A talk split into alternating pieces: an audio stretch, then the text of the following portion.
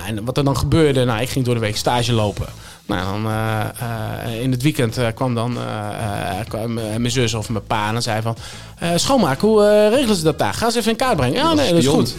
Ja, dan, maar dat was ook de deal die we afgesproken hadden. Dus nou, dan stond ik om half zes daar aan de deur, zeg maar, te kijken hoe schoonmaak geregeld werd. En dan zei iedereen altijd, want dat wisten een heleboel mensen natuurlijk niet. We hebben nog nooit zo'n stagiair gehad die zo, die zo, zoveel Die zo energie gedreven die zo gedreven is. Mijn naam is Daniel Kuipers, eigenaar van Online Marketing Agency. In deze podcast hebben Maarten en ik het over hoe je een van de grootste onafhankelijke sportscholen van Nederland wordt. En waar ik even de podcast mee wil beginnen, eh Maarten, is de reden waarom ik jou ook heb uitgenodigd. Ehm, ik heb het je ook eerder verteld, maar wat ik heel erg mooi vond is, ik ben een aantal jaar geleden natuurlijk naar Edevuist. Uiteindelijk een aantal sportscholen eh, getest en uiteindelijk kwam Tesca was mijn keuze.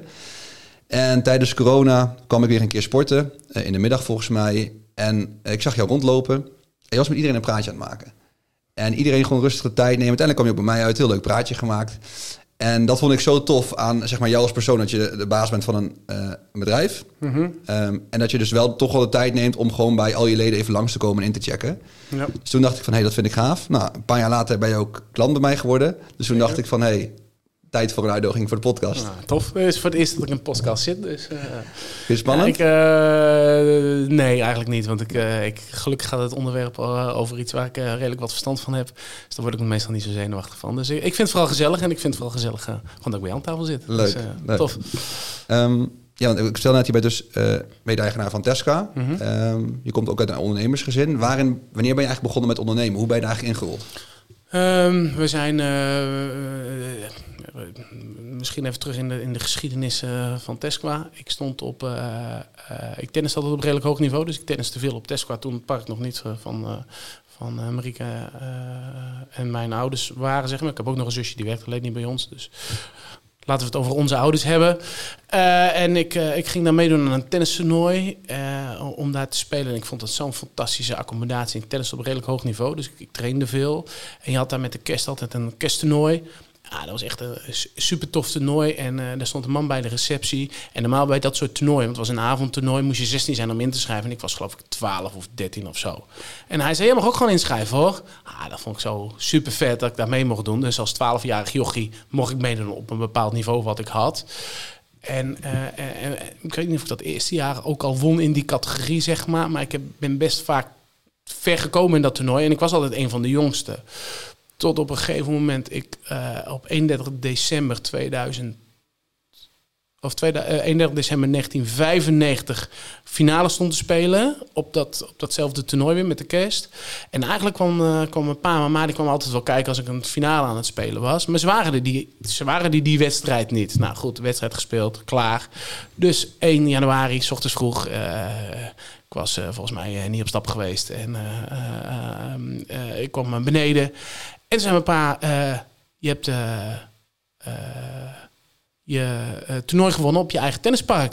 Ik zeg, hoe bedoel je? Hij zei, ja, want ja, ik was gisteren niet aan het kijken. Op het moment dat jij finale, finale hebt gespeeld, heb ik de handtekening gezet dat het park van ons is geworden. Ah, dat was zo vet. Bizar. Dus ik zei, fuck, ik heb gewoon op mijn eigen park gespeeld. Dus ik kan vanavond gewoon gratis tennissen. Want dat was het eerste wat ik zei. Hij zei, ja, dat klopt. Maar overmorgen mag je ook gewoon om, om vijf uur je wekker zetten. Want ga je om half zes. We hebben het uit het faillissement overgenomen. Dus dan gaat, eh, dan gaat je wekkertje. En dan ga je er gewoon netjes in de vakanties heen om half zes. Dan ga je de schoonmaak helpen. En dan, eh, eh, want daar beginnen we. Toen dacht ik, oh ja, dat hoort er natuurlijk ook bij. Nou, en zo is het eigenlijk begonnen. En dat was wel zo'n life-changing event. Dat ik dacht van, ja, daar, daar gaat het gebeuren, zeg maar. Ik, natuurlijk gewoon, je begint als 16 jaar en ben je niet ondernemer, maar dan ga je in loondienst. Ehm, mm, misschien mm, een paar dingen. Maar in 2003 zijn we groot verbouwd, zeg maar. Toen hebben we een grote change ook weer gemaakt in de club. En toen hebben we in de fiscaliteit slimme dingen gedaan. Waardoor Marieke en ik eh, destijds gelijk eigenaar zijn geworden van, van het nieuwe bedrijf Tesco Direct Center. Dus zo is het een beetje gaan, maar dat was wel... Ik zie mezelf nog zitten aan die keukentafel met mijn pa, dus eh, dat was, eh, was tof. Wat, wat bijzonder inderdaad, dat jij daar inderdaad het toernooi wint en hij het dan inderdaad net heeft overgenomen. En wat, je, wat, het heel, wat heel mooi is wat je net zei, is dat jouw vader dus aangaf van ja, 2 januari of 3 januari moet je om half vijf opstaan. Ja. Ehm, dan zit er ook echt wel een soort ondernemers- en hard werken mentaliteit. En dat heb ik bij jou ook altijd geproefd. Is dat ook waar het bij jou dan vandaan komt? Mm, ja, de- ja, ja, we hadden eigenlijk niet zoveel keus. Want dit was wel een, een, een, grote stap, zeg maar, ook voor, eh, voor onze ouders, zeg maar, om dat over te nemen. Ehm, hij, had, eh, eh, hij had eigenlijk altijd een eigen administratiekantoor. Daar is hij ooit mee begonnen. Alleen en op een gegeven moment had hij wat mensen ook in dienst. En een van zijn klanten, dat was een, dat was een tennispark. Eh, en daar deed hij de administratie voor. Dus hij zag dat daar geld verdiend werd, Goeie zeg business. maar. Dat was goede business. Hij, wist, hij zag in de krant volgens mij dat Tesla failliet was. Want de exploitatie was failliet, maar het onroerend goed niet. Dus de exploitatie... Ik weet niet, misschien heeft, de, misschien heeft de huurbaas uiteindelijk hem wel failliet verklaard. Maar de exploitatie was failliet en dat zag hij in de krant staan. En wij tennisten daar natuurlijk op die toernooien. Dus dat was fantastisch. Eh, wetende dat vanuit zijn administratieachtergrond, dat met, met, met die partner, eh, of die klant die hij destijds had, dat daar geld verdiend kon worden. Nou, en, en zo, eh, zo hebben, hebben we toen samen eigenlijk met die partner het overgenomen. Dus de partner zou eigenlijk de exploitatie gaan draaien, mijn pa zou het financieel gaan draaien. Eh, eh, de, de, de grote kracht van hem, en misschien zeg ik vaker mijn vader als mijn moeder, maar het is echt wel een goed team eh, samen. Alleen mijn vader is altijd van de fiscaliteit, zeg maar. Wat hij heel goed heeft gedaan, is het onroerend goed erbij gekocht.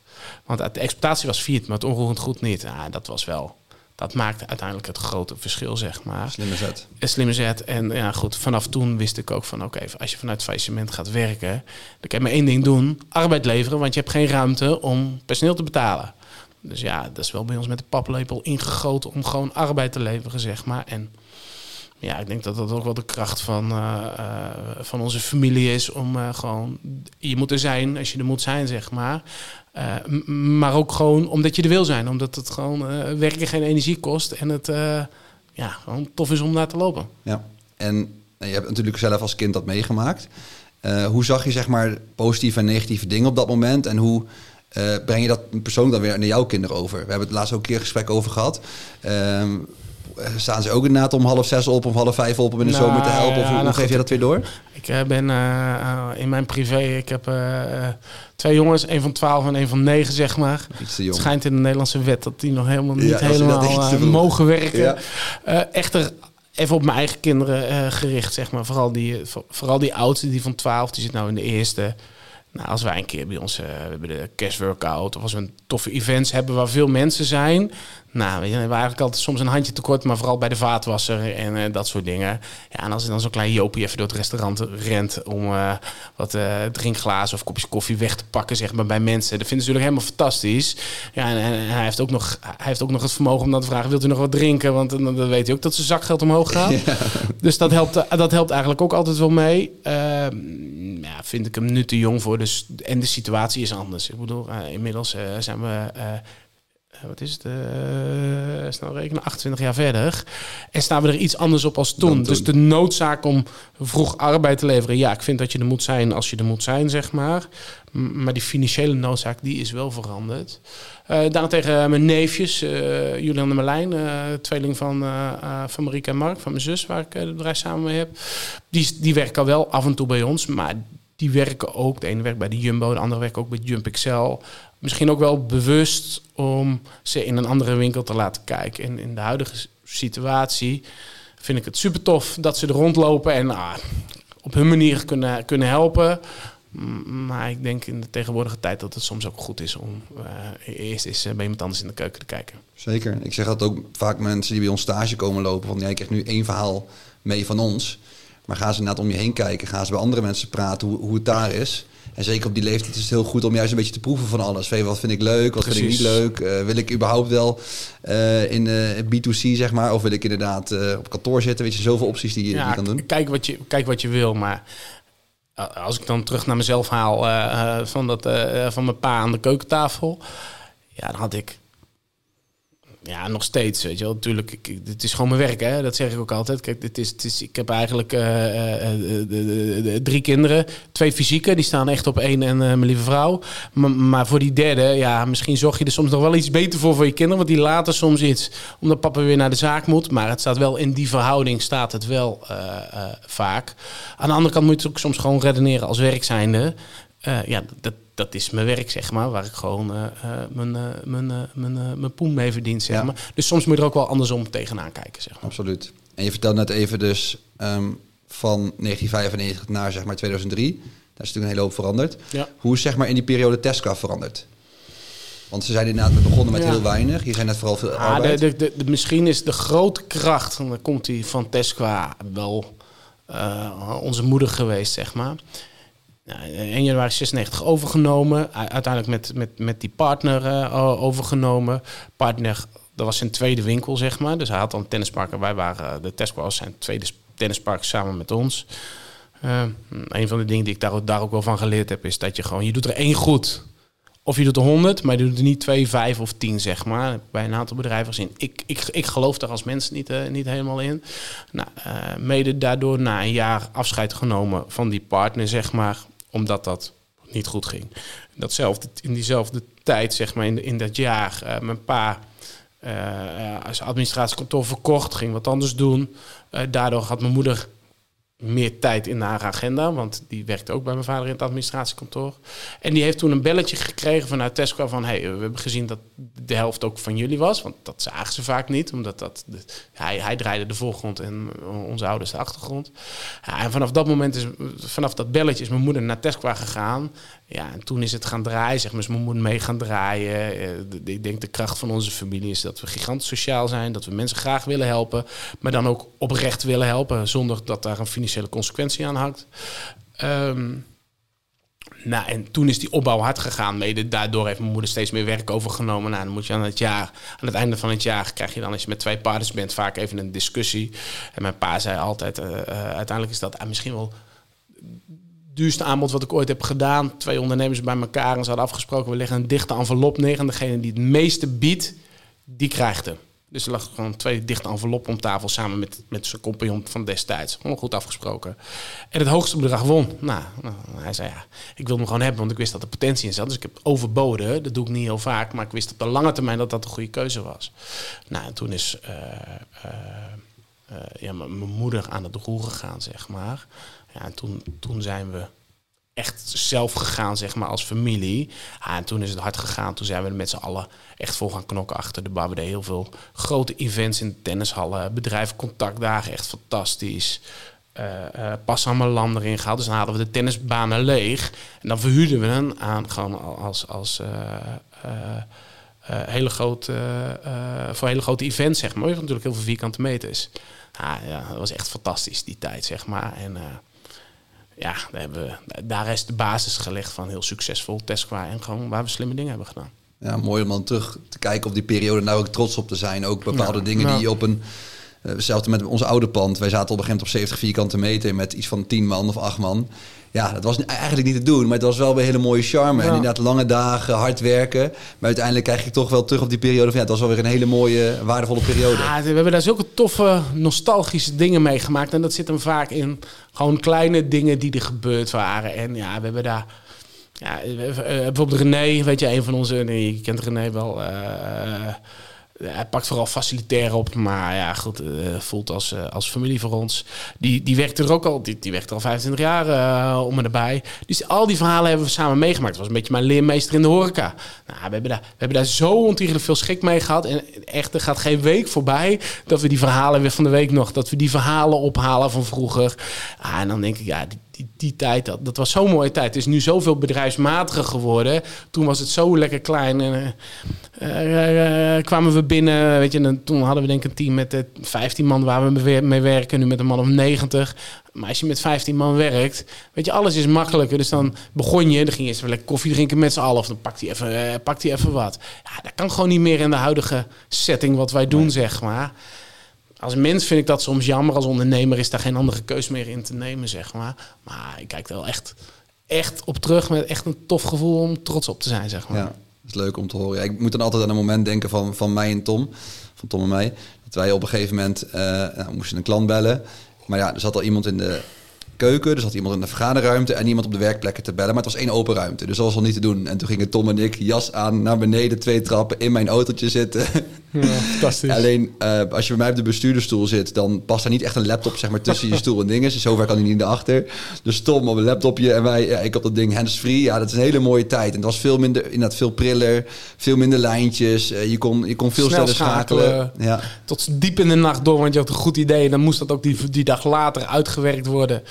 Nou, dan ging ik om drie in de bed en dan uh, stapte ik om acht uur weer uit bed. En dan ja, energie voor tien, zeg maar. Ja, dat is toch anders als je kinderen hebt en uh, dat soort dingen. Dat, dan gaat je energieverdeling wel anders lopen, zeg maar. Ja. Maar ja, echt, echt, echt fantastisch mooie tijd gehad. Uh, en ja, uiteindelijk ja, rete succesvol geweest in die opbouw. Met alles wat we gedaan hebben. Echt gewoon als familie zijnde, zeg maar. Ja, en je vertelde net ook even in 2003 veranderde ook, ook een heel hoop schaal, zeg. Uh, wat je net aangaf. Ja, wat er is gebeurd in 2002. Dat wij zijn de, de, we hadden. Uh, uh, Tesco Helder Record Center. Dus echt de, de, de fitnessformule is gestart pas in 2003, zeg maar. Dus dat was het grote moment. In 2002 kregen we een aanbieding om alles te verkopen aan een externe partij. Dat was Pelikaan. Je hebt Club Pelikaan, die heeft zeven clubs in Nederland. Misschien kennen jullie ze wel. En je hebt Pelikaan Bouwbedrijf, zeg maar. Nou, Pelikaan Bouwbedrijf, die bouwde al die multifunctionele clubs. Die hebben heel veel clubs in Nederland gebouwd. Daarom denken mensen ook vaak dat wij een keten van zo'n concept zijn. Uh, omdat je, uh, als je naar het gebouw kijkt, heel vaak de bouw terug herkent, zeg maar, van andere panden van hun. En ook in, toen in 2002 kregen wij dus een bod op ons pand, zeg maar. Omdat ze onze, onze, onze accommodatie wilden hebben om daar een multifunctionele club in te bouwen. Dan wel voor hunzelf, dan wel voor een andere exploitant. Maar we hadden gewoon een tennispark en die, dat soort parken leenden zich heel goed voor de setting waar wij nu in werken. En ook daar was het toch wel best wel weer administratief uh, een eye-opener. Want uh, toen zaten wij nog helemaal niet aan het roeren. Dus dat hebben wij helemaal niet meegekregen. Wij moesten gewoon hard werken, bier verkopen, uh, alles schoonhouden en af en toe de tuintjes schoffelen, zeg maar. Uh, maar eigenlijk boden ze te veel voor het pand. Nou, dat zette mijn pa wel aan het denken. Dat hij zei van, dat, dat is weer de fiscale kant. Ja, als ze meer gaan betalen, dan zit er dus potentie in dat pand. Nou, zodoende uh, uh, in contact gekomen met hem. Wat willen jullie dan? Ja, dit en dit en dit willen we. Nou, en eigenlijk zeiden wij blind, zonder me ooit een loopband aangeraakt te hebben. Ah, kunnen we zelf. We gaan een fitnessbedrijf starten. Nou, en, want dat was toen de hoofdmoot. Ah, dat was, en dat was wel ook echt wel tof. Ook weer gezien de situatie. Een bepaald inmiddels uh, CIVO bij een, andere, bij een ander groot bedrijf. Uh, wat hij helemaal samen opgezet heeft, samen met iemand. En uh, in dat betreffende jaar had hij een, had een hele vervelende nekhernia. Echt gevaarlijk, met kans op dwarslezing en alles. Dus zijn nek, zijn, zijn nek moest geopereerd worden. technisch verhaal, maar hij kwam daardoor best lang op bed te liggen. mijn zus was net afgestudeerd. Die heeft internationale bedrijfskunde gestudeerd. Dus die zei, ik lijkt, mij lijkt dat ook wel leuk, want dit is veel meer, dit is veel meer business-wise, zeg maar. Dit is niet alleen maar tennisbanen vuren wat we deden en een biertje tappen, maar hier komt veel meer om de hoek kijken. Ik zeg altijd, Marie is echt, echt een heel stuk slimmer als mij.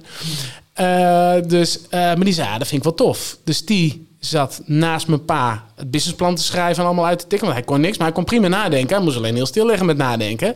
Nou, en uh, dan kom ik, uh, uh, energieke Jopie, zeg maar. Ik studeerde toen sporteconomie in Tilburg. En in Tilburg zat een club Pelikaan. En onderdeel van de deal was dat ik, dat ik daar stage mocht gaan lopen, zeg maar. voor mijn studie. Dus dat, dat sneed aan twee kanten. Dus ik liep echt gigantisch veel uren stage. En ik, en ik, moest gelijk me, ik had gelijk een product zeg maar, om mijn studie netjes mee af te ronden. Nou, en wat er dan gebeurde, nou, ik ging door de week stage lopen. Nou, dan uh, uh, in het weekend uh, kwam dan kwam mijn zus of mijn pa en zei van... schoonmaak, hoe regelen ze dat daar? Ga ze even in kaart brengen. Ja, nee, dat is goed. Ja, dan, maar dat was ook de deal die we afgesproken hadden. Dus nou, dan stond ik om half zes daar aan de deur, zeg maar, te kijken hoe schoonmaak geregeld werd. En zei iedereen altijd, want dat wisten een heleboel mensen natuurlijk niet... We hebben nog nooit zo'n uh, stagiair gehad die zo, die zo, uh, die zoveel die energie zo gedreven, die zo gedreven is. nou, dus dan ging ik een beetje kijken. En dan bijvoorbeeld overdag hadden zij altijd schoonmaak lopen. Dat ik dacht, hè? Die uh, instructeurs, die een beetje bekend in onze branche, zeg maar.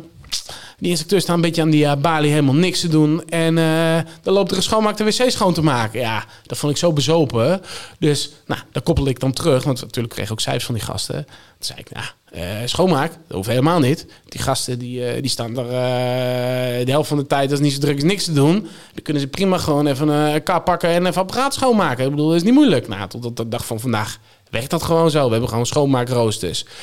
je hebt nooit 40 uur echt effectiviteit. En als je die wel maakt, nou, hoef je het niet te doen van me. Maar eh, dat gebeurt toch niet. Nou, die heeft gewoon zijn eigen zon en maakt dat schoon. En hoort gewoon bij taken, zeg maar. Als het even wat rustiger is. Kijk, dat lukt s'avonds niet om 8 uur. Maar dat lukt prima smiddags om 1 uur af en toe een keertje. Nou, nou, zo hebben we dat toen helemaal ingericht. En totdat de dag van vandaag nog steeds. Om gewoon te kijken hoe kun je dat businessmodel ook efficiënt inrichten. Nou, zo is dat toen samen gegaan. In 2003, 1 september, echt officieel open gaan. Was ook wel spannend, want wij hadden natuurlijk vanuit uh, het tennis- en squashpark gewoon abonnementen met mensen lopen. Maar wij moesten die formeel die abonnementen opzeggen. Dus dat is natuurlijk wel gek. Wij zeiden als tennis- en squashpark, bij deze zeggen wij officieel jouw abonnement op. Over een half jaar kan je niet meer bij ons tennissen, want we stoppen met de huidige uh, het huidige aanbod. wat je wel kan doen, je kan lid worden van ons nieuwe concept, zeg maar. en dan, dan krijg je de eerste vijf maanden gratis. Of dan krijg je vijf maanden gratis op basis van een tweejarig abonnement. Nou, dat was ook weer slim. In september gingen we open. Maar we gingen al wel vanaf 1 april dat hoge bedrag vragen, zeg maar. En dan kregen we voorfinanciering, want dat was spannend bij ons in onze exploitatie. De voorfinanciering, kijk, eh, je, je moet de eerste twee jaar door, want je hebt heel veel kosten, maar nul abonnementjes. Nou, nou, ook weer slim gegaan, zeg maar. En als na twee jaar niet zouden redden, ja, dan redden we het niet anders. Maar daarom doen we ook nog steeds zoveel voor tennissers, omdat die ons gigantisch goed geholpen hebben met de opstart, zeg maar, van ons, uh, van ons bedrijf. Dus die loyaliteit ligt daar gigantisch hoog. Nou, en zo zijn we toen in 2003 officieel open gegaan uh, met het nieuwe concept. En Marieke en ik waren zo van overtuigd dat dat, dat ons ding ging worden, dat dat gelijk echt gewoon een nieuw bedrijf gestart, waar wij dan eigenaar van werden heeft natuurlijk toen nog wel met, uh, met, uh, met onze ouders erbij. Maar uh, in de exploitatie inmiddels niet meer. Dat is van ons tweeën. Ja, dat was echt sinds die tijd dat het helemaal voor jullie was? Of hebben jouw ouders nog wel een aantal jaren bijgedragen? Ja, in 2003 zeker wel. was 23, dus daar konden wij nog niet alleen draaien, zeg maar. Nou het, zitten me allemaal ook een beetje van hoe dat allemaal ingericht is. Ik denk niet helemaal van toepassing uh, hiervoor. Maar uh, ja, gewoon echt het gevoel gelijk hebben van... hé, hey, het is mijn tent. Ik ga die tent daar zo uh, runnen samen met Marieke. Nou goed, een aantal jaren later is dat echt helemaal naar ons toe gegaan. Maar het voelt nog altijd als een familieding waar we met z'n allen achter staan. Zeg maar. Begrijp ik. En hoe, werd dat, hoe was dat dan voor de tennissers... om dan eigenlijk inderdaad van een traditionele tennis- en squashclub... naar eigenlijk meer een compleet concept te gaan? Merkte je daar wat weerstand of viel dat wel mee? Nou ja, dan merkten we gigantisch veel weerstand. Uh, want ja, ze moesten, uh, geloof ik, uh, vijf keer zoveel gaan betalen. Want ze wilden helemaal niet zwemmen, ze wilden helemaal niet fitnessen. Ze wilden gewoon tennissen. Niet anders dan dat. Uh, en nou goed, die had dan in de zomerabonnementen. En we hadden dan in de winter kon je dan los je banen huren, zeg maar. Maar het werd gewoon veel meer ervan. Dus we moesten mensen gaan overtuigen van dat er een zwembad in kwam. En, en dat komt goed. En je kan fitness doen. En het wordt een totaal ander concept. Maar vergeet ook wel, een tennisbaan huren kostte toen denk ik 25 gulden of zoiets. Ja, misschien was het toen nog wel euro's, maar ik denk altijd nog in guldens. Dus als jij twee keer een uurtje wilde singelen, dan ging zo'n abonnement al best wel renderen. Nou, als je dan een beetje slim gaat kletsen, zeg maar, en je zegt, ja, goed, als je twee keer, nu ga je één keer in de week tennissen, omdat het gewoon anders een andere prijs heeft. Maar zo meteen kun je vier keer in de week tennissen. Dus ja, is toch top? Nou, een aantal kreeg je wel over de streep en een aantal kregen we niet over de streep. Ja, nou, nou goed. Uh, ja, andere keuzes, zeg maar. Maar ja, onze doelgroep werd natuurlijk heel groot, want heel Ede was opeens bereikbaar. Ja, en, en ik heb ook gemerkt dat, nou, ik merk toen uh, ik merk uit je verhaal nu dat je toen heel veel innovatie deed. Maar echt de afgelopen jaren nog steeds. Ja. Um, er is ook een hele hoop gebeurd op het gebied van de toestellen. Mm -hmm. Toen ik bij jullie klant werd, dat was nog net de oude uh, opstelling. Dat was begin, even kijken, was rond 2019, begin 2019. Ja, klopt. Um, inmiddels ook een paar padelbanen, ja. uh, pikkelbal. Ja. Um, net ook weer een kleine nieuwe verbouwing gehad. Tenminste, als ik hem klein mag noemen, om de indeling ook nog beter te maken. Klopt. Uh, dat vind ik ook heel erg tof. Bij jullie wordt er elke keer zeg maar, een laagje toegevoegd aan de business. Ja. Um, waar, waarom zijn dat soort stappen die jullie doorlopen? Waarom, waarom doe je dat? Mm, maar ik vergelijk het altijd met uh, een aantal dingen. We zitten, wij zijn een, een bedrijf. Dus je wint heel snel aan luxe. Als jij, ik vergelijk soms een auto, ik heb een nieuwe auto gekocht. En de eerste keer dat je in die auto stapt, vind je het echt fantastisch. Zit er van alles op. En de tweede dag en de derde dag ook nog. Want er zitten zoveel toffe nieuwe gadgets aan. Maar drie weken later is het gewoon een, een, een, een voertuig die je van A naar B brengt. Nou, ik denk dat onze mensen ons pand als hetzelfde zien. Je raakt heel snel gewend aan luxe. Maar als jij die luxe niet blijft innoveren, dan blijft het bedrag misschien wel hetzelfde, maar de waarde zakt. En ik, wij vinden het altijd een groot verschil zit tussen geld en tussen waarde, zeg maar. En als wij waarde kunnen toevoegen, ja, dan blijven mensen lid. Ondanks dat. En dan, dan, mag, dan mag de geldprijs misschien ook omhoog. Maar je moet vooral de waarde van je product uh, blijven vernieuwen. En dat vind ik ook als ondernemer gewoon heel leuk. Dat dat, dat, dat verrassend vernieuwende, wat wij uh, vaak zeggen in onze strategie, uh, dat dat erin komt. Want dat geeft mij ook energie. Anders dan vond ik het als ondernemer niet meer leuk om te gaan doen. ging ik wat anders doen. Ik bedoel, als ik altijd van hetzelfde moest doen, zeg maar. Als wij nog steeds zouden opereren zoals we dat 20 jaar geleden deden. Nou, dan waren we denk ik nu 20 euro per maand waard in plaats van de prijs die we nu vragen. Maar dan had ik dat gewoon ook als mens gewoon niet leuk gevonden. Dan had, dat, had er geen ondernemende uitdaging voor mij ingezet. Dus ik vind het zelf gewoon ook tof om gewoon nieuwe dingen te blijven bedenken. En ja, gewoon ja, eh, het verschil te kunnen maken in een eh, competitieve markt. En ik vond het laatst ook leuk, want zeker toen... Uh, jullie hebben dat volgens mij op zondagavond gedaan, de laatste aanpassing, klopt dat? Ja. En toen kwam ik, volgens mij de maandag kwam ik, uh, kwam ik daar. En je merkt ook een stukje reuring. En iedereen dacht van, hé, hey, waar staat dat? En ik weet ook dat dus één apparaat toegevoegd... Je weet waarschijnlijk welke ik bedoel. Die kan je je borst mee trainen, maar ook achterkant schouders. Ja, En echt iedereen die ik, die ik ken die bij Tesca Sport zegt... ze moeten zo'n apparaat uh, gebruiken. Dat apparaat is volgens mij nu het meest gebruikte apparaat. Ja, in het midden, helemaal in het midden gezet. vond eigenlijk niet zo'n mooi plekje. Maar ja, gewoon spannend, gewoon in het midden. En eigenlijk is dat ook... We hebben best wel vaak, vaak gedaan, ook in het verleden. Met elke vijf jaar maken we wel grote veranderingen om dat te zien. En het zit eigenlijk ook een hele simpele dingen. En ik vergelijk het ook vaak met... Uh, uh, vroeger ging je heel vaak je slaapkamer veranderen. Tenminste, Misschien vrouwen iets meer als mannen, maar ik deed het ook nog wel eens een keertje. Dan zet je je bed op een andere plekje, dan zet je je kast op een andere plekje en je stoel. En dan, ja, als je heel jong was, je Lego of uh, nou, noem het allemaal maar op. En dan een dag later ging je kamer en denk je, wow, ik heb een nieuw huis. Maar uiteindelijk had je precies dezelfde spullen, alleen op een ander plekje. Maar je kent dat gevoel misschien wel, dat je dacht van, hey, shit man, dit is tof, dit is nieuw. Ja. Nou, dat hebben wij best vaak ook bij ons gedaan. Of dan halen we, uh, uh, pakken we een rek weg, spuiten we hem in een andere kleur. Lijkt heel nieuw, maar je kan met hele slimme dingen, het, vooral het brein van mensen, op een hele andere manier activeren. dat heeft niks met voor de gek houden te maken, maar het heeft vooral met je brein activeren voor vernieuwende dingen. Daar heeft het mee te maken. Ja, en dat is we, we, leven zo geconditioneerd, dus ons product, daar kunnen we zoveel gebruik maken van het geconditioneerde gedrag van onze eigen gasten, zeg maar. Want jij zei net klanten, maar ik heb het liever over gasten, want ik denk dat je uh, een, een, een gast een betere dienstverlening geeft dan een klant, zeg maar. Maar goed, dat is, dat is mijn eigen perceptie. Um, en ja, door, door die veranderingen, ja, triggert het je brein, zeg maar. En ook dat geef ik vaak als voorbeeld. Nee, ga maar vanavond eens een keer, uh, wissel maar eens een keer met je partner uh, van de kant van je, van je, van, je, bed, zeg maar. Ga maar op haar kussen liggen. Ah, ze wordt boos, ze gaat je wegsturen. Want dat kan helemaal niet. Maar ja, dat is in, in, soms als je een hotel in gaat en je gaat net op de andere plekken liggen, dan word je al weggestuurd. Dus je brein triggert zoveel op verandering. Maar als het dan net even iets beter of iets anders of iets toegevoegd wordt, ziet dat als zo'n grote vernieuwing. Uh, ja, waardoor je waarde kan toevoegen aan je product. En ja, dat, dat vind ik tof. Ja, en hebben jullie ook al plannen voor de aankomende jaren? Want ik denk dat de afgelopen jaren, met alles wat er gebeurt, is natuurlijk voor, jou, voor jullie ook hele bijzondere jaren. Zeker. Ik denk aan de ene kant misschien wel soms positief, maar soms misschien ook negatief. Mm, ja, ik denk dat het ons meer gebracht heeft dan het ons gekost heeft.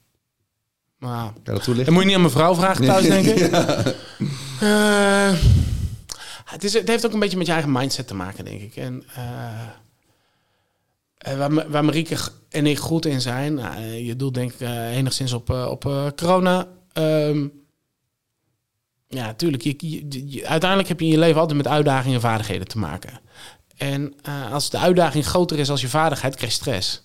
Want je weet niet hoe je moet opereren. Zo geef ik dat bijvoorbeeld ook heel vaak aan personeel. Uh, je hebt een uitdaging, je krijgt niet voor elkaar. Dus het creëert stress. Het enige wat we kunnen doen is opleiden en ervaringen krijgen. Creatief zijn om, om, om je vaardigheden maar te laten groeien, zeg maar. En als je die vaardigheden gaat laten groeien en je uitdaging zit hoog, ja, dan kan je flow, dan voelt het niet meer als werk, want dan kan je onbeperkt door. Dat zal je wellicht ook herkennen hier zo bij jou op. Uh, als je het uh, laatst over Google Analytics uh, liet je me wat zien. En nou, dan voel ik helemaal de flow waar je in komt. En je gaf zelf ook aan, ik kan niet meer stoppen om dat uit te zoeken, zeg maar. Nou, dat gevoel, zeg maar. Nou, en in het begin in corona denk je echt van, shit, wat is dat? Dan hoorde ik, de clubs moeten dicht dacht ik, ja, hoe dan? Weet je wel? Dus dan stand, de P, uh, ik met Marieke gelijk uh, naar Tesco toe. Uh, volgens mij was het op zondagavond of zo. Want we hadden het gevoel dat we binnen vijf minuten moesten reageren naar iedereen. Dat hoeft natuurlijk helemaal niet. Maar zo impulsief ga je dan vaak wel handelen, zeg maar.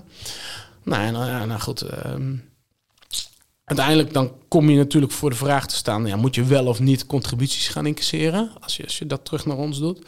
Ja, dat vonden wij een moeilijke, want ja, de relatie is ons, ons meer waard als uh, uh, vaak als uh, het geld, want door een relatie ontstaat vaak omzet, zeg maar. Um, en toen hadden we besloten de eerste maand dat we echt dicht moesten.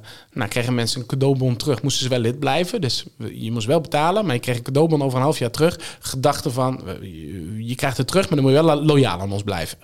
Nou, goeie, het heeft goed uitgepakt, maar administratief een romslomp eerste klas om dat allemaal goed in te richten met al die mensen. Het lijkt makkelijker dan het is, maar dat is echt niet. En toen die tweede maand waren we weer dicht. En dat was eigenlijk ook wel de change voor ons maand mei 20 was dat. En die durfden wij niet meer, die durfden we echt vanuit angst niet meer te incasseren. We waren echt bang dat we gezeik kregen. Maar, en daar was, ehm, dat was het grootste deel, dat we echt mailtjes van mensen en gewoon vrijwillige stortingen kregen. En echt de dubbele prijs van onze contributies. Ja, maar uh, we willen uh, dat jullie niet weggaan, want we konden niet zonder jullie. En toen dachten we, oké, tof dat geeft dus vertrouwen. Dus dat, dat creëert vaardigheid, want je wordt onzeker van hoe moet ik handelen. Nou, dat heeft heel erg geholpen. En die stap daarna, zeg maar, uh, wat te gaan doen. En eigenlijk, misschien is dat het goede bruggetje ook om over digitalisering te spreken. Vanaf dat moment zijn we bij elkaar om tafel gaan zitten. Wat ga je nou doen? Want ja, iedereen in onze markt die begon filmpjes uh, te zenden. Ja, doe mee met uh, online bootcamp en doe mee met onze groepsles. Uh, en nou goed, allemaal, ging allemaal over de what, zeg maar. En ik weet niet of je van Simon Sinek de why kijkt, zeg maar. Nou, wij denken altijd vanuit de why. En we gingen terug aan de tekentafel, ook met ons marketingteam. En die zei, ja, waarom zijn mensen nou eigenlijk ook lid bij ons? Nou, en wat wij altijd vrij sterk positioneren, denk ik, is onze strategie. We zijn ooit begonnen met welkom thuis bij Tesco. Want dat gevoel willen we mensen geven, want daar zit waarde. En uiteindelijk hebben we dat geswitcht naar we zijn verrassend persoonlijk en verrassend veelzijdig. Nou, en in corona hebben we die nog weer eens op tafel gelegd toen. Dus en wat gaan we nou doen? Is het nou echt dat mensen die bodypump les missen of die fitnessactiviteiten missen, weten dat 70% van onze mensen, 80% van onze mensen die komen, die komen om pijn te lijden in, in, in even plat in een zweethok gaan ze dat echt missen? Vraagteken. Of gaan ze gewoon missen dat ze als ze bij de receptie langskomen, dat uh, Jolanda of Corny of Patricia of wie daar dan ook staat vraagt: hey, wat leuk dat je er weer bent. Nou, ik heb je echt gemist in corona, man. Hoe is het met je? Wat is er allemaal gebeurd? Uh, gewoon even gewoon, gewoon aardig zijn tegen. Gewoon in deze maatschappij, het moet allemaal zo snel. Je wordt zo vaak vergeten om gewoon even te vragen hoe het gaat. Gewoon even aardig doen tegen mensen, zeg maar. Ja, en, en, en daar denken wij dat we het verschil hebben kunnen maken. Dus uh, Peter die gemist werd, even gezellig praatje aan de bar. Uh, Kevin die uh, even niet meer lekker met mensen kon trainen. Dus die diversiteit.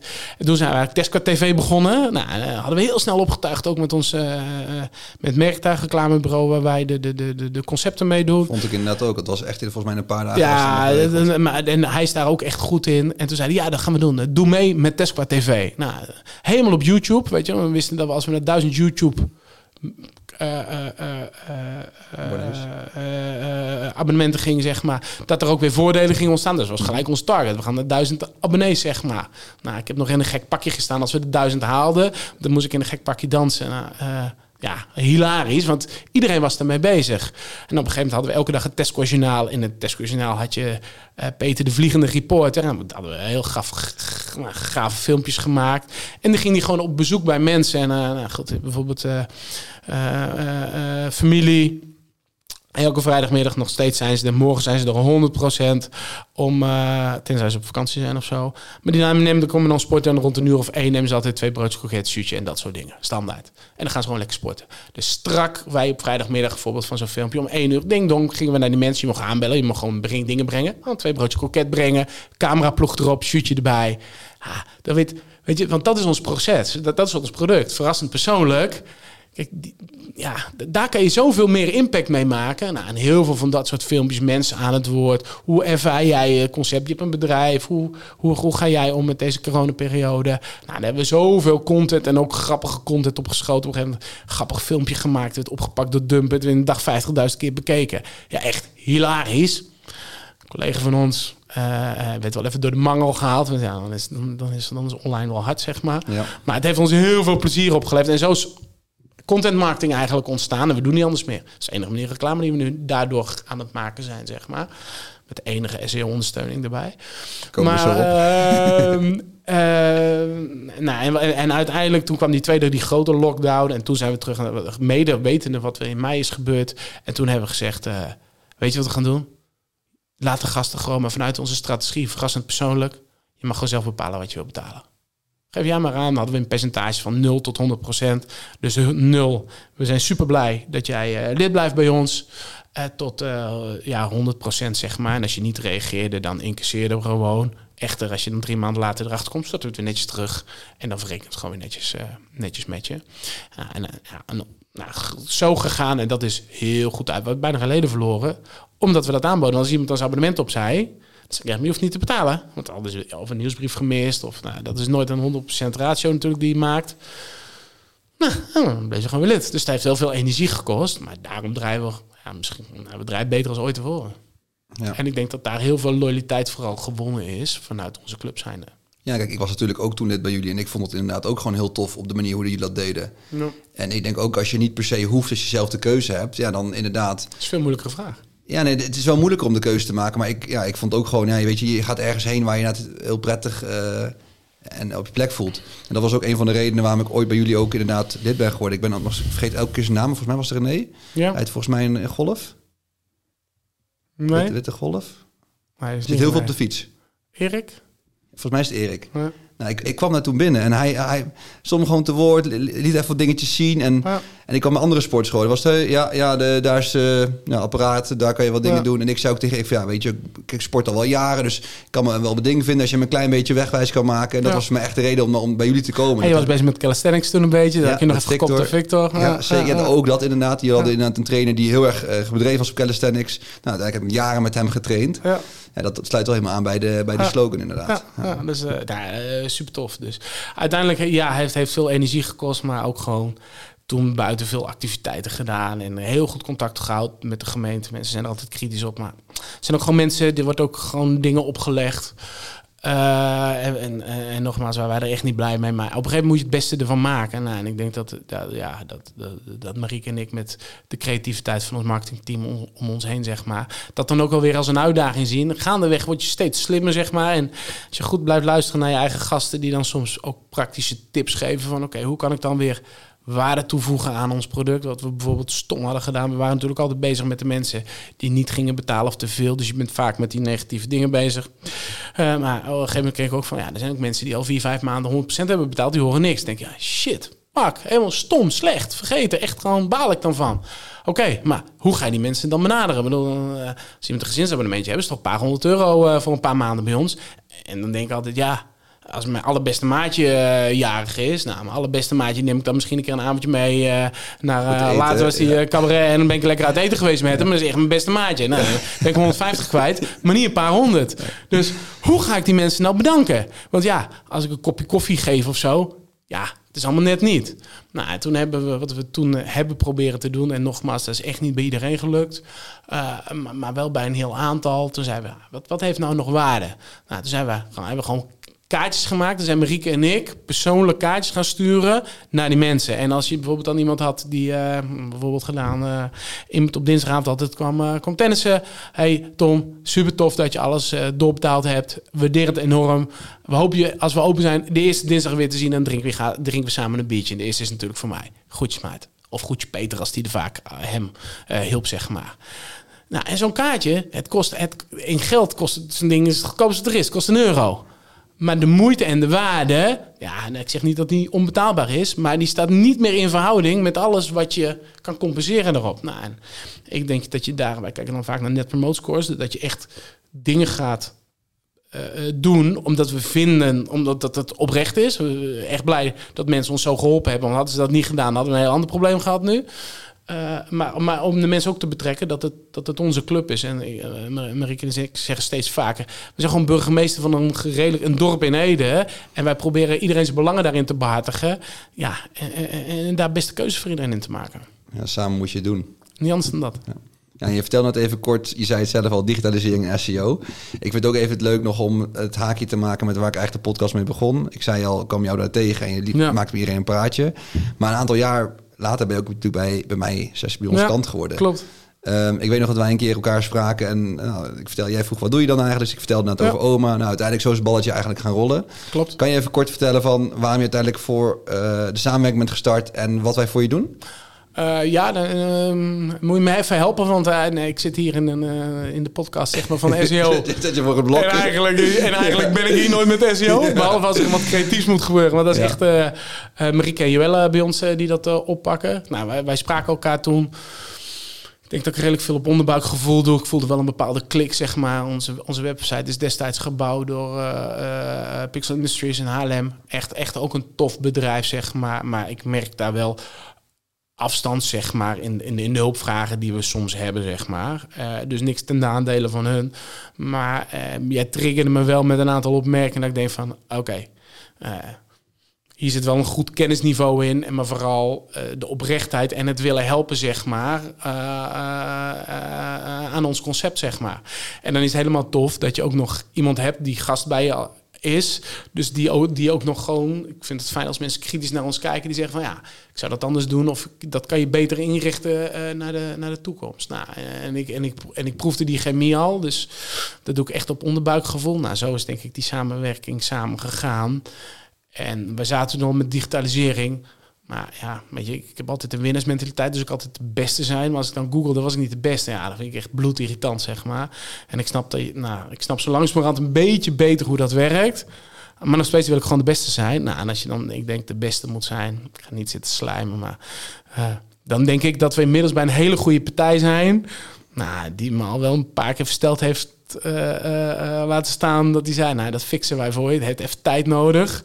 Maar nou, ik denk dat we er goed op staan samen. Ja, ja, zeker. Dat is leuk om te horen. Dus dank voor de mooie woorden. Maar inderdaad, we hebben vandaag de dag denk ik ongeveer tussen de 12 en 15 nummer 1 posities. Ja. Allemaal gefocust op lokale zoekwoorden die super relevant voor jullie zijn. Ja. Sportschool Ede, sporten Ede, afvallen Ede, personal training. Eigenlijk alles wat voor jullie belangrijk is, waar direct business uit kan komen. Daar staan we nu op één. Klopt. En uh, ook even alle credits naar Marieke en Joelle. Want Vooral die. Want ze zijn echt een hartstikke leuk team en om mee samen te werken. En ze doen ook hartstikke goed werk. Um, en ondanks dat ze soms heel erg druk zijn, doen ze toch nog hun best om, om alles weg te krijgen. En ik heb Marieke vanochtend nog gesproken. En zei: Hey Daniel, dit is hoe jullie het hebben gedaan. Dit is mijn visie erop. Hoe is jouw kijk erop? Nou, hartstikke goede feedback. Nou, puzzelen wat. Oké, okay, we gaan het op die manier doen. Ja. En, en dat gaat gewoon maar hartstikke goed. Het toffe daarvan is, wat ging vanochtend volgens mij over positie Pedel Venendaal.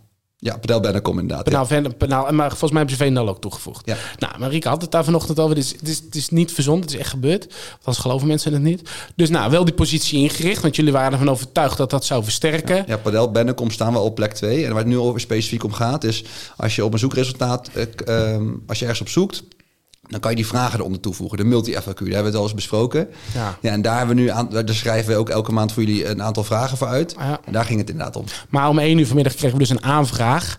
Wij willen graag bij jullie pedellen in Veenendaal.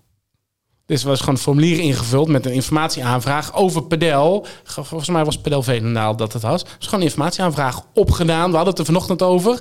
Maar aangezet. En het werd dus gelijk gevonden. Gewoon een aanvraag voor een, business event, pedel event. Aangevraagd vanuit dus de zoekwoorden waar je het vanochtend met Marieke over had. Ja, leuk, leuk om te horen. Ja, het mooie daarvan is, en dat, dat vertelde ik aan Marieke ook. Tuurlijk moet je niet liegen dat je in Veenendaal zit. Maar heel simpel, voor een padeltoernooi of, of voor een sportclub wil je prima 20 minuutjes rijden. Niet anders dan dat. Zoveel padelbanen zijn er tenminste. Precies. Er zijn minder banen dan dat er mensen zijn. Uh, Zeker. En het voordeel is ook nog eens van Tesco, is omdat jullie lokaal zo'n grote naastbekendheid op, op, hebben opgebouwd. Kijk, ik kom zelf oorspronkelijk niet uit Ede, maar iedereen die ik ken, die kent Ede. Klopt. En als ik weet dat een ondernemer uit Ede komt en ik ben met een sales pitch bezig, denk ik altijd, ja, ik werk altijd voor, uh, voor Tesca. Ja. Oh, werk je voor Maarten Mariek? Ja, nou, dat is voor mij een hele mooie binnenkomer ook. Ja. En, en tel daarbij op een goede vindbaarheid, tel daarbij op een goed team wat zelf een ding doet, ja, dan ben je al eigenlijk op alle fronten aan het winnen. En dan ja, kunnen ze we, wij winnen nu ook, dat hebben we nu een paar keer gehad, had ik al met jou gedeeld natuurlijk, dat we... Uh, wij zeggen nooit zo graag dat we uh, beste sportschool Ede, zeg maar. Dat zijn dan zoekwoorden waar, waar je op gevonden wil worden, zeg maar. Ik zeg dat liever niet over mezelf. Ik heb liever dat mensen dat netjes in onze reviews zeggen. Maar goed, dat even tezijde. Uh, maar daardoor hebben we wel al twee of drie personeelsleden aangenomen. Gewoon daarop, omdat ze op die zoekwoorden hebben gezocht. Ja, als je dan, als dan iemand het voor elkaar krijgt dat je op één staat, ja, dan krijg je vanzelf sollicitaties binnen. Dat is natuurlijk een grote uitdaging nu. Dat is eh, voor elk, voor elk bedrijf in, in deze tijd de uitdaging om de goede geschikte kandidaten te vinden, zeg maar. Maar dat is wel lekker. Dus daar winnen we bijvoorbeeld ook heel erg door die, door die SEO-optimalisaties. Ja. En ik denk vanuit mezelf in naar de toekomst, je hebt dit nodig. Als je dat nu niet hebt ingericht, dan heb je over een tijd gewoon een probleem, zeg maar, met je vindbaarheid. En ja, dan heb je, heb je ondernemend echt een uitdaging. ben ik echt van overtuigd. Ja, absoluut. Je moet, je moet het echt gewoon op alle fronten, uh, fronten ja, goed doen. Want zeker ook omdat je merkt is uh, een jongetje van 16 die een website kan leren bouwen, die kan al heel veel dingen met een beetje YouTube kan niet al heel erg veel. Ja. Dus ja, als je inderdaad een ondernemer bent van bijvoorbeeld 40, 50 jaar, je hebt nooit echt wat met online gedaan, ja, dan komt zo'n snotneus, die loopt je gewoon even op alle fronten voorbij. Ja, het is echt, echt een verplaatsing van je budget, zeg maar, naar een, naar een andere strategie, zeg maar. Wij volgen dat natuurlijk goed op onze KPI's. Uh, wat, wat daar gebeurt, zeg maar. Maar ja, het helpt echt. Je ziet echt in de aanvraag, maar vooral in je vindbaarheid. Dat is, want eigenlijk, wij, waren echt altijd van de, van de offline reclame. Veel abris, uh, eigen kranten maken. Uh, veel, veel, veel lid aan acties, zeg maar. Ja, dat hebben we helemaal gekild, zeg maar. En sinds anderhalf jaar, ja, nooit zo goed gedraaid als ooit tevoren. Dat is een mooie om mee af te sluiten, denk ik. Heel erg bedankt voor je tijd, Maarten. Ik vond het echt een heel, heel tof gesprek. Ik ken natuurlijk Tessa, ken ik al, maar niet het verhaal die je nu hebt verteld. Ja. En ik denk dat dat heel weer leerzaam is, want ik heb hier echt ook weer dingen uitgehaald waar ik zelf uh, dingen mee wil gaan doen. Ik vond het tof uh, om er te zijn. En uh, ja, ik dan toch vrij mag zijn. ik, zou, ik, ik, ik beveel het echt aan. En nou, of, of ze dat dan met jou of met iemand anders doen. Nou, ik denk dat ze wel snappen dat wie ik aanbeveel. Maar die SEO's goed inrichten. Het heeft ons zo ontiegelijk veel gebracht. En ik snap dat daar een investering in zit. Maar ja, ik, ik denk dat dat heel hard terugrendeert. Absoluut, zeker. Tof, thanks. Dankjewel. Lekker. Dank voor het luisteren naar de Daniel Kuipers podcast. Mocht je dit een toffe podcast vinden, volg dan mijn Spotify playlist, abonneer op mijn YouTube kanaal of deel hem met vrienden. En wil je meer weten over OMA? Ga dan naar onlinemarketingagency.nl